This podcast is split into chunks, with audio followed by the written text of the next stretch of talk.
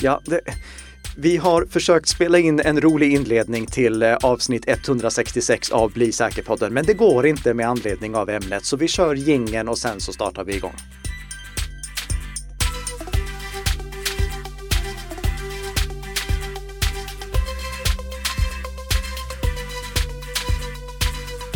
Mm, sådär.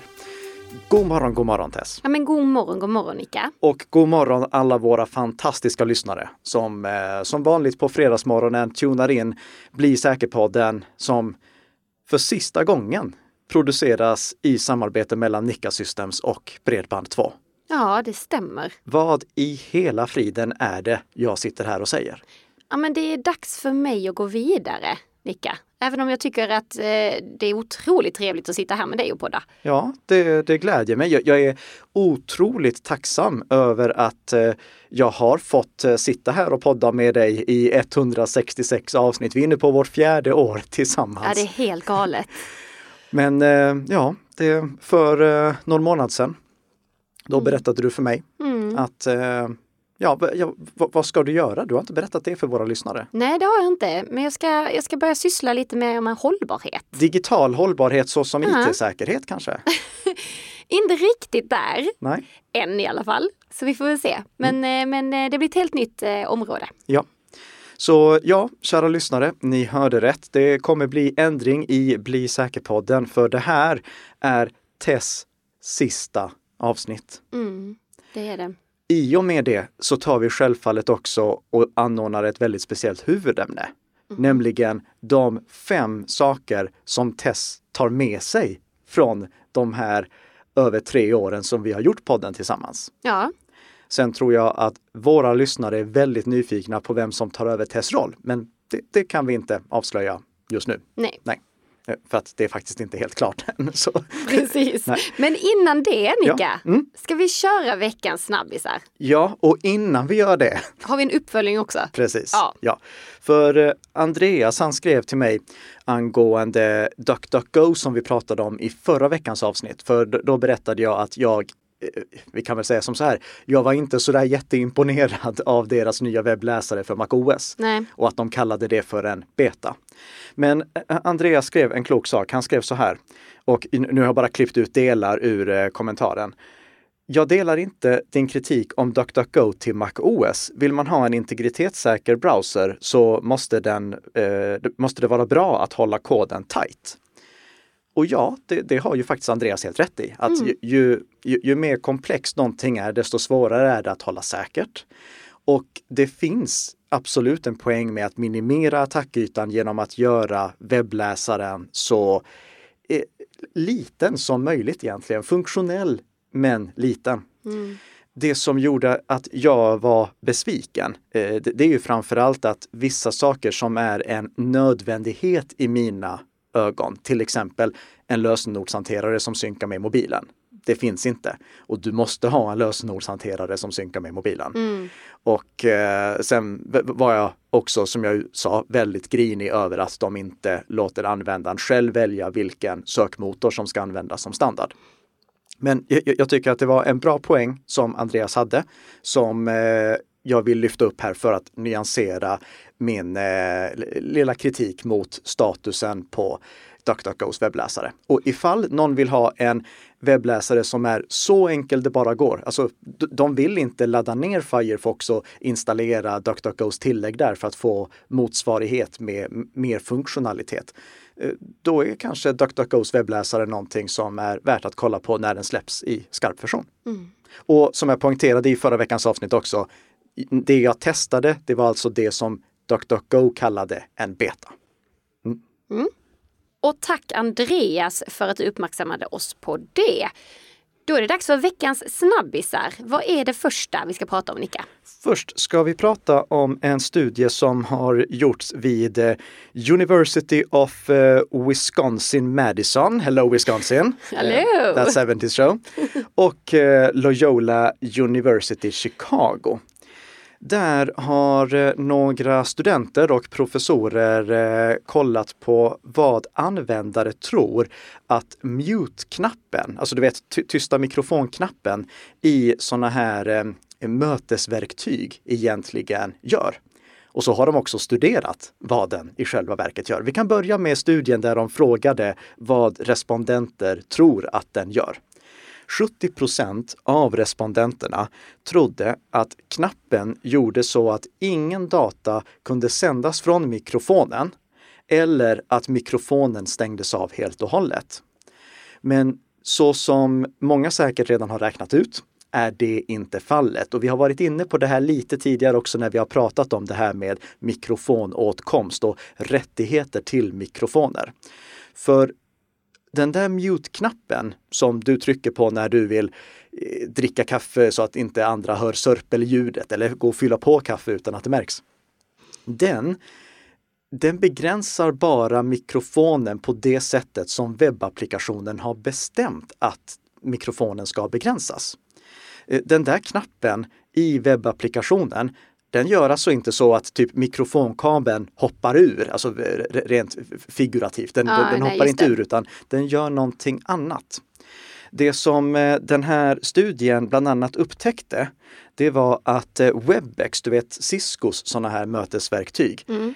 Webex som var den tjänst de kontrollerade mest, den skickade faktiskt periodisk data en gång i minuten till Webex eh, utan att användaren hade mikrofonen på. Eh, det var liksom ja, telemetridata som de beskriver det. Webex har fått reda på det här och e-, enligt rapporten som vi länkar till i sin helhet från våra show notes eh, så står det också att eh, i februari 2022 så började Webex jobba på att lösa det här. Men det gick ändå lite data iväg där. Och jag tror att om många användare tänker efter lite så inser de att ja, det är faktiskt orimligt att mikrofonen stängs av helt bara för att jag trycker på mute. För visst har det hänt någon gång, eh, Tess, att du har eh, suttit i ett möte med någon och eh, så har du mutat dig själv för länge, länge sedan. Ja. Och sen börjar du prata och då får du upp en notis om att de andra kan inte höra dig för att du är mutad. Ja, precis. För det, det problemet, det har alla stött på nu medan eh, vi har haft eh, coronapandemi. Mm. Men för att datorn ska veta att du pratar Ja, då är ju då mikrofonen igång. Ja, ah. det, det, det, i, i för sig när jag tänker efter, den skulle kunna reagera på läpprörelser också, men det, det är ett väldigt omständligt sätt att göra det. Så mikrofonknappen den kan på sin höjd göra så att mötesapplikationen inte skickar vidare ljudet, men den måste ändå ta in ljudet. Mm. Det som jag därför tycker att alla ska reflektera över, det är var de sätter åtkomstgränsen till mikrofonen. För låt oss säga att du har ett mötetest i en webbapplikation i din webbläsare. Om du då i webbläsaren trycker på mute, då vet vi att det enda som händer det är att det, ljudet från dig, det ska inte gå vidare i alla fall. Nej. Men i teorin skulle det kunna göra det. Och du kan inte kontrollera om det gör det eller inte. Nej. Så om du vill vara säker på att ljudet inte går vidare, då måste du i webbläsaren begränsa åtkomsten till mikrofonen. Du vet, när du första gången använder ett nytt mötesverktyg, då ber eh, webbläsaren dig om att ge åtkomst till mikrofon och kamera för den fliken, för den domänen. Ja. Och det är där du måste sätta gränsen. För att om du i webbläsaren säger nej, den här applikationen, den här webbplatsen, den här domänen, den ska inte ha åtkomst till min kamera, till min kamera eller mikrofon. Mm då spelar det ingen roll vad du trycker på i det där i själva webbapplikationen för webbläsaren i sig har begränsat åtkomsten. Okay. Och sen skulle du kunna begränsa på operativsystemsnivå också. Du kan begränsa så att inte webbläsaren får åtkomst till mikrofonen. Om mm. du skulle vilja göra det. Så om du begränsar på operativsystemsnivå, går in i inställningar och stänger av så att inte applikationen har åtkomst till mikrofonen då har vare sig applikationen eller webbläsarens, eh, alltså eh, varken webbläsarapplikationen eller mötesapplikationen som körs i webbläsaren åtkomst till mikrofonen. Och om du blockerar på webbläsarnivå, då blockerar du så att inte den mötesapplikationen som du kör i webbläsaren har åtkomst. Men då funkar ju inte om jag skulle unmuta mig då? Eh, Då funkar det inte om du skulle unmuta dig. Nej, så, så det här är, Det är ju ett ingenting... val, liksom. ja, nej, nej, nej, för, förlåt, och det, det är jättebra att du lyfter upp det. Jag säger inte att ni ska göra så här. Jag, jag, jag säger absolut inte att du ska vara orolig för att du blir avlyssnad i de vanliga möteslösningarna som man använder, alltså de väletablerade lösningarna. Anledningen till att jag vill lyfta upp det här, eh, det är för att om du ger åtkomst till din mikrofon till något spel du kör i någon flik eller någon eh, applikation som du inte litar på till 100 procent då ska du ha i åtanke att bara för att det står att du är mutad så betyder det inte att den inte spelar in precis allt du säger. Nej, det är sant. Så det, det är mycket bra tillägg där. Kom ihåg alltså, eh, ni kan fortfarande muta er i Webex och i Teams och liknande så som ni har gjort tidigare. Anledningen till att jag vill lyfta upp det här, det är just för att jag vet hur många som är oroliga för att bli avlyssnade via mikrofonen. Och om ni känner er det minsta otrygga när det kommer till ett spel eller liknande som ni kör i webbläsaren, se till att blockera åtkomsten till mikrofonen redan på webbläsarnivå, inte i själva webbläsarens eh, mötesverktyg eller spel. Nej. Okej, då går vi vidare. Ja. Dags att snacka om utmattningsattack. Ja, utmattningsattack. Det är någonting som eh, Go Secure skrev om i februari och kryptera.se lyfte upp nu i april. Kryptera.se drivs av Jonas Lejon som jag driver Säkerhetsbubblan tillsammans med. Och jag tänkte, nej men det här har vi ju aldrig lyft i podden. Och det passar alldeles ypperligt att göra just den här veckan.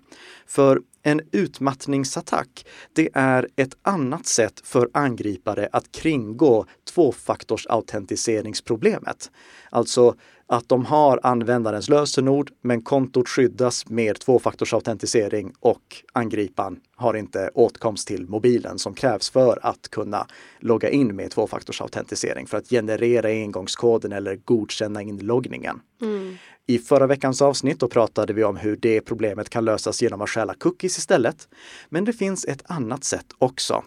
Och det är en sån här utmattningsattack. Jag försökte faktiskt driva en utmattningsattack mot Tess. För under de senaste månaderna, då har jag tjatat om att nej men, visst ska du stanna i podden i alla fall, visst ska du stanna i podden i alla fall. Ja, och, och nu till slut, då har Tess alltså fallit för den här attacken och ändrat sig Nej, Nicka, tyvärr. kan försöka lite till sen. För det är precis det som angriparna är ute efter när det gäller de här utmattningsattackerna. När en användare ska logga in på ett Microsoft-konto eller ett eh, Azure AD-konto som de kanske har på jobbet som skyddas med tvåfaktorsautentisering och användaren har valt att använda Microsoft Authenticator-metoden istället för någon av branschstandardmetoderna. Då kan användaren få en notis till sin telefon som han eller hon trycker på godkänn för att logga in med. Alltså användaren skriver normalt sett in sitt användarnamn och lösenord, får en notis till telefonen, trycker på godkänn och är sedan inloggad. Eller trycker på klockan, funkar till Apple Watch också. Väldigt smidigt. Men om en angripare har lyckats komma över användarens användarnamn och lösenord, då kan angriparen logga in och då skickas ju en sån här push-notis till användaren. Användaren kommer då troligtvis tänka, nej, det, det där är inte jag, så jag godkänner inte. Men då fortsätter angriparna skicka sådana här notisförfrågningar. Kan du godkänna den här inloggningen? Kan du godkänna den här inloggningen? Kan du godkänna den här inloggningen? Kan du godkänna den här inloggningen? Kan du godkänna den här inloggningen? Tills användaren bara tröttnar på att få massa notiser på sin telefon och trycker ja. Ja. Och då har ju användaren blivit utsatt för en utmattningsattack. Användaren tröttnade på att få de här notiserna och godkände det för att bli av med problemet. Mm, aj då. Ja. Det här är någonting som går att eh, motverka delvis genom att använda en lösning som Microsoft erbjuder där eh, användaren inte bara ska trycka på godkänn för att logga in, utan när användaren vill logga in på riktigt, då visas ett nummer på datorns skärm och sen visas tre olika nummer, tre olika tvåsiffriga nummer på användarens mobil och användaren ska trycka på samma som visas på datorns skärm. Det är ju ett sätt för att minimera risken att användaren bara trycker på ja, ja, ja, ja, ja, okej, okay, för att bli av med problemet. För användaren tror säkert att ja, det är någon app som har hängt sig och om jag inte godkänner det här, då kommer jag säkert loggas ut någonstans.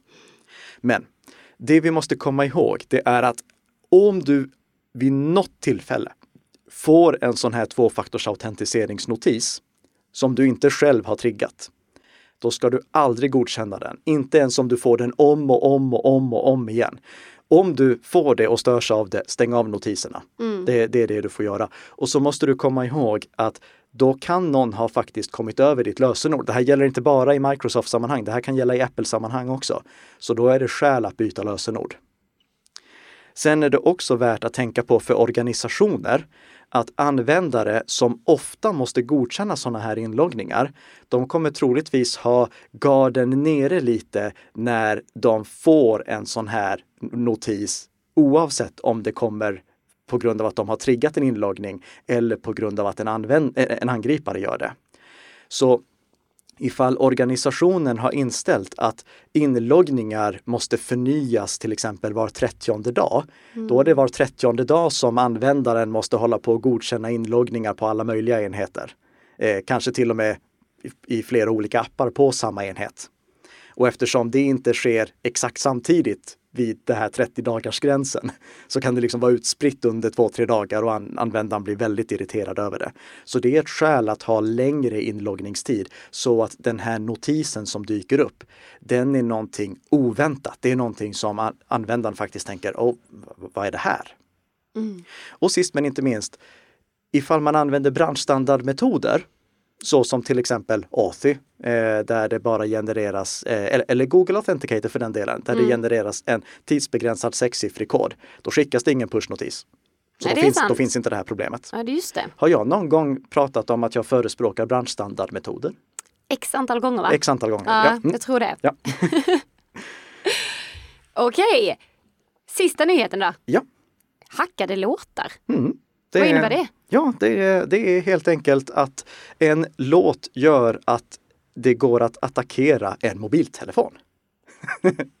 och det kan låta lite konstigt. Det här är en um, undersökning eller egentligen en upptäckt som gjorts av Checkpoint igen. Och den här gången är det Checkpoint, inte Trend Micro som jag fick korrigera för någon vecka sedan. Eh, de har nämligen upptäckt att det finns en sårbarhet i eh, Qualcomms och Mediateks eh, systemkretsar. Det är alltså de systemkretsarna, det som lite slarvigt kallas processorer, som finns i merparten av våra Android-mobiler. Och på grund av de sårbarheterna har en angripare kunnat ta en musiklåt och komprimera den med ALAC. ALAC är Apples kodek för att komprimera musik utan att det blir några förluster. Mm. Alltså få en låt till att ta mindre plats i anspråk utan att det blir sämre ljudkvalitet. FLAC är ett annat, en annan sån populär kodek som gör att alla filer tar färre megabyte, per äh, färre megabyte i anspråk men de låter exakt lika bra. Inte lite sämre så som det är med MP3 där det blir bullshit när man komprimerar, utan det låter lika bra. Och sen utnyttja en sårbarhet i de här systemkretsarna som kan triggas genom att preparera den här filen på ett speciellt vis. De kan göra så att den här filen, när den spelas upp genom någon av de här processorerna, mm. då triggas den här sårbarheten och den sårbarheten kan användas för att en angripare ska kunna komma åt andra mediafiler på användarens enhet. Mm. Det som Eh, Eh, jag gjorde bara för lite skojs skull, det är att jag försökte få grepp om hur många mobiler är det här det rör sig om egentligen. Så jag tog på prisjakt och eh, listade alla mobiltelefoner som hade Android 9, 10, 11 eller 12, det vill säga de mobiltelefoner som eh, fortfarande fick säkerhetsuppdateringar i december, för att det var i december i fjol som Mediatek och Qualcomm släppte säkerhetsuppdatering som fixade det här. Och det var 450 stycken. Av de här var det 74 procent som antingen körde Qualcomm eller Mediatek som var baserade mm. på någon av deras systemkretsar. Så det är väldigt många mobiler som är påverkade av det här. Och just nu går det alltså att infektera dem genom att bara lura användaren att spela upp en specialpreparerad ALAC-fil. Det är helt galet. Ja, ja, och tänkte det kanske är en bra låt med Busta Rhymes. Ja men precis, då vill man ju höra den om och om och om igen och gärna skicka vidare kanske. Jag eh, kan tipsa om att eh, när det gäller just ALAC, de flesta eh, MP4-container som inte heter MP4 som heter M4A-containern, jag ber om ursäkt för det kära lyssnare, M4A-containern, den kan innehålla musik som är komprimerad på olika sätt. Mm. Men bland annat komprimerad med ALAC. Okay. Så det är mm. framförallt M4A-filer som man ska vara försiktig med. Men se till att du, om du kör Android och har en eh, Qualcomm eller eh, Mediatek-mobil, att du har installerat säkerhetsuppdateringarna som släpptes i december. Och om du inte har tillgång till dem, då är det dags att byta mobil. Mm. Och i väntan på det, se till att i alla fall inte acceptera musiklåtar som någon skickar till dig. Precis. Mm. Är det dags för veckans huvudämne? Ja, Mika? det är det. Vad lustigt att det är jag som ska snacka om mig själv typ. Mm. Ja. Eh, vi har ju spelat in 166 avsnitt. Ja, när, när det här är färdigt. Ja, när det här är mm. färdigt. Det är, vi är inne på vårt fjärde år. Mm. Det är så otroligt mycket som jag har tagit med mig Ja, jag, jag, jag, hoppas att våra lyssnare har gjort det också. För det, om man ska börja lyssna om från start nu, ja, vilket tar, jag har... tar sin tid alltså. Det kommer ta sin tid att lyssna på så många 30 minuters avsnitt. Men verkligen. Och sen så när vi pratade om det här, vad vi skulle snacka om idag, ja. så tänkte jag så här, ja men okej, okay, fem, topp fem-lista. Mm. Och det är ju svårt, för det är så många avsnitt. Ja. Men det är ju vissa saker som vi återkommer till hela tiden och som känns ganska grundläggande. Mm inom säkerhet. Ja. Så det är egentligen det jag kommer att lyfta fram här. Mm. Så jag tänker att jag börjar med nummer ett då. Ja. Och då är det vikten av att skapa starka lösenord. Hur ofta säger vi inte det? vartannat avsnitt kanske? Ungefär så. Ja. Och vi har ju till och med pratat om innan, så här, men finns det någon metod där ute som kan ersätta lösenord? Nej, Nej, kanske på sikt eh, YubiKey och Fido 2, men det är verkligen Precis. på sikt. Det är på sikt, exakt. Ja. Så vi behöver ändå liksom stå fast här vid våra lösenord. Och då så brukar vi prata om minst 12 tecken mm. för att skapa ett starkt lösenord.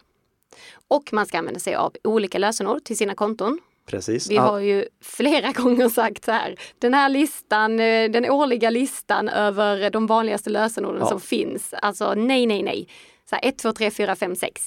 Unika lösenord, påhittade lösenord, unika lösenord överallt. Exakt, precis. Och sen så har vi den där dagen som återkommer varje år från och med, nej vänta nu här. Nej, det, det slutade göra det fram tills förra året var det va? Ja, det, vi, jag, jag får säga det här ska vi vara stolta över. Vi har avlivat lösenordsbytardagen. Exakt, mm. precis. För det är ju en förlegad dag. Ja. Och vi vill istället ha lösenordshanterardagen. Precis. Ja. Och då glider vi in till lösenordshanterare, vikten av lösenordshanterare. Mm. För vi kan ju inte komma ihåg alla de här lösenorden i vår hjärna. Inte om vi är människor. Inte om vi är människor. Nej. Nej. Så vi tar hjälp av eh, lösenordshanterare och personligen så använder jag Bitwarden. Mm. Jag tycker det är en fantastisk lösenordshanterare. Det gör jag också, både på jobbet och privat. Mm. Samma här. Och där i så kan man ju faktiskt slumpa fram lösenord också mm. via en lösenordsgenerator. Ja. Vilket är väldigt praktiskt. Jag har faktiskt bytt sätt som jag slumpar fram lösenord i den nu. Jaså? Mm, det kan jag avslöja här. För tidigare så hade jag 42 tecken långa lösenord mm. med bara små bokstäver. Men det var för många sajter som fortfarande hade det här förlegade sättet att de säger att du måste blanda teckentyper, även om det är utdömt ja, av både NIST och Microsoft. Mm. Så det jag har gjort nu är att jag säger åt Bitwarden generera ett lösenord som består av fyra stycken ord. Låt det vara ett bindestreck mellan orden, för då får vi en specialtecknet. Låt alla, bokstav, eller, låt alla ord börja med stor bokstav och lägg in en siffra någonstans. Det här gör jag inte för att det behövs för att det ska bli säkrare, eh, utan bara för att det ska gå att fylla i automatiskt på alla webbplatser, mm. inklusive sådana som inte har moderniserats på länge. Ah, smart! Mm. Ingen dum idé alltså. Den tar vi med oss eh, från detta avsnittet kanske. Ja. Vi går vidare. Nummer två. Använd tvåfaktorsautentisering på alla konton. Ja. Jag tänker under de här åren så har jag sett så många av bekanta på sociala medier och vänner på sociala medier som har fått sina konton eh, kapade. Mm. Och då tänker jag, ah, det här med tvåfaktorsautentisering, det är ju inte så svårt att sätta upp. Nej. Eller hur? Sannerligen inte. Nej. Och vi pratade, var det länge sedan vi pratade om det med tvåfaktorsautentisering? Ni är under snabbisarna ja, här Det måste ha varit tio minuter sedan senast. exakt, exakt. Så det är också någonting jag verkligen tar med mig. Att använda tvåfaktorsautentisering där det går ja. på alla konton. Sociala medier och framförallt sitt e-postkonto. Ja. För att få någon obehörig åtkomst till det så är det ju lätt att återställa andra konton också. Exakt. Det får onda versionen av mig åtkomst till ditt e-postkonto, då är du schackmatt. Mm, precis. Då går vi vidare till nummer tre. Nej, jag tycker Nej, att vi ska ha ett, ett apptips där också. Ja, okej okay då. Jag använder mig av Authy. Mm. Mm. Den tycker jag är smidig. Den funkar väldigt bra. Ja, och den är gratis. Och den är gratis. Och den säkerhetskopierar tvåfaktorsautentiseringshemligheterna. Mm. Och den fungerar med branschstandardmetoden. Såklart ja. Nicka. de, de har sin egen metod också, den mm. använder jag överhuvudtaget inte. Mm. Eh, utan jag använder bara Authy för branschstandardmetoden. Sen använder jag faktiskt Bitwarden också, för har man premiumversionen då kan ju den generera engångskoden också. Mm. Men jag behöver ju en app för Bitwarden i sig. Och där har jag Authy. Ja. Okej, nu nummer tre. Mm. Uppdatera, uppdatera, uppdatera. Hur många gånger har vi inte snackat om att vi ska uppdatera våra enheter, program, våra webbläsare, appar? Jag kan garantera dig att det är minst en gång i månaden. Ja exakt. Patch-tisdagen är ju liksom varje, varje månad ja. så lyfter vi detta. Och det är bara en sån sak. Mm upp, fortsätt uppdatera. Ja. Och det är det jag kommer ta med mig. Mm. Håll alla enheter uppdaterade, håll alla programvaror uppdaterade, håll alla operativsystem uppdaterade och byt ut sakerna när de inte längre får säkerhetsuppdateringar. Mm.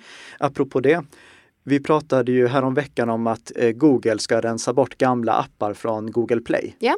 Och Apple ska göra det också nu, nu de ska rensa bort gamla appar från App Store jag såg att det var ganska många spelutvecklare framförallt som var irriterade över att ja, men det, varför ska vi uppdatera våra spel när vi inte har ändrat någonting i dem? Mm. Vi, varför ska vi släppa en ny version? Alltså när ett spel är klart är spelet klart. Kolla bara hur det var på Nintendo 8-bitars tiden.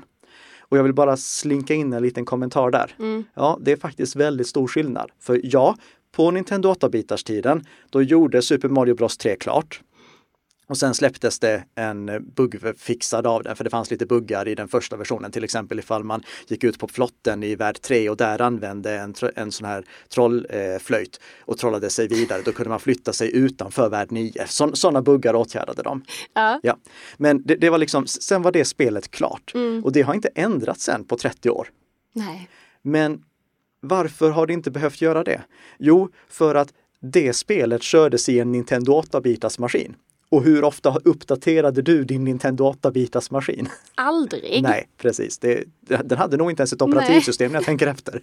Men, men, men äh, det var ju för att förr i tiden, då, då var inte datorerna och spelkonsolerna under ständig utveckling. Nej. Och då behövde inte spelen uppdateras för dem anledningen till att all mjukvara idag måste uppdateras, det är att apparaterna som de här spelen och apparna körs på, mm. de uppdateras. Mm. Ja men verkligen. Ja. Då går vi vidare till nummer fyra, den fjärde lärdomen här. Mm. Och det är ju såklart, se upp för nätfiske. Ja. Det tror jag att både du och jag är väldigt eniga om. Oh, ja. För nätfiskattacker är ju så otroligt vanligt idag. Jag tycker att vi nämner nog det nästan i varje avsnitt. Mm. Nästintill. Men det är väl snarare så här att lärdomen från att förstå hur enkelt det är att ta fram och skicka ut den här typen av nätfiskemail till exempel att bara ändra avsändarnamnet. Det är busenkelt att göra. Ja. Och därför måste vi också se upp med att inte vara så godtrogna att bara för att det står att det kommer från eh, Nika Systems så behöver det inte vara från Nika Systems. Nej, för då måste vi kolla på vad då?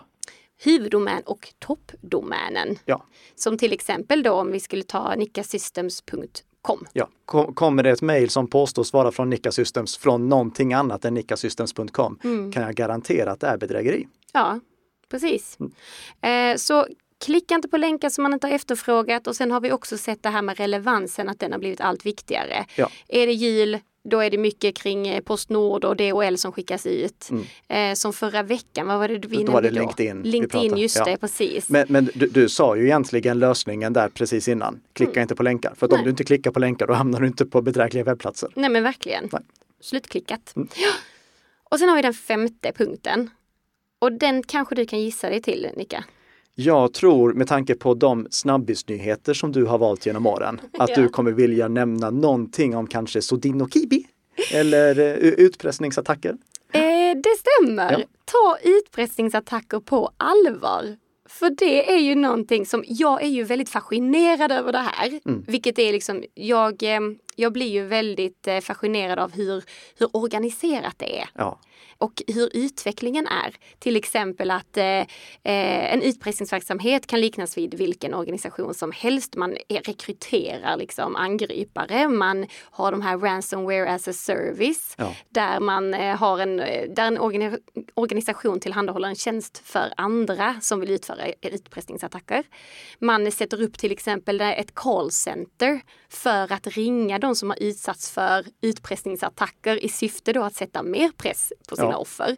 E-, eller bara för att vara tillgänglig ifall offren behöver hjälp med att betala med bitcoin. Just det, det ja, också. Det får man support. Det är ju verkligen, det är ju en organisation och jag tycker det är så fascinerande. Sen så gör de ju så himla dumma grejer som vi också har snackat om mycket om, så här, om att de, eh, sina offer är nu så här, går på samhällsviktiga funktioner som ja. sjukhus och så. Och det är ju no-go. Mm. Det får man absolut inte göra. Det har vi sagt. Men också som vi såg nu förra sommaren, Coop-incidenten. Just det. Hur sårbart samhället blir. Så det är ju så himla viktigt att man faktiskt tar det här på allvar. Och skulle man då bli utsatt för en utpressningsattack så är det ju viktigt att man inte betalar. Precis, så ja. länge som någon betalar så har vi kvar problemet. Exakt, exakt.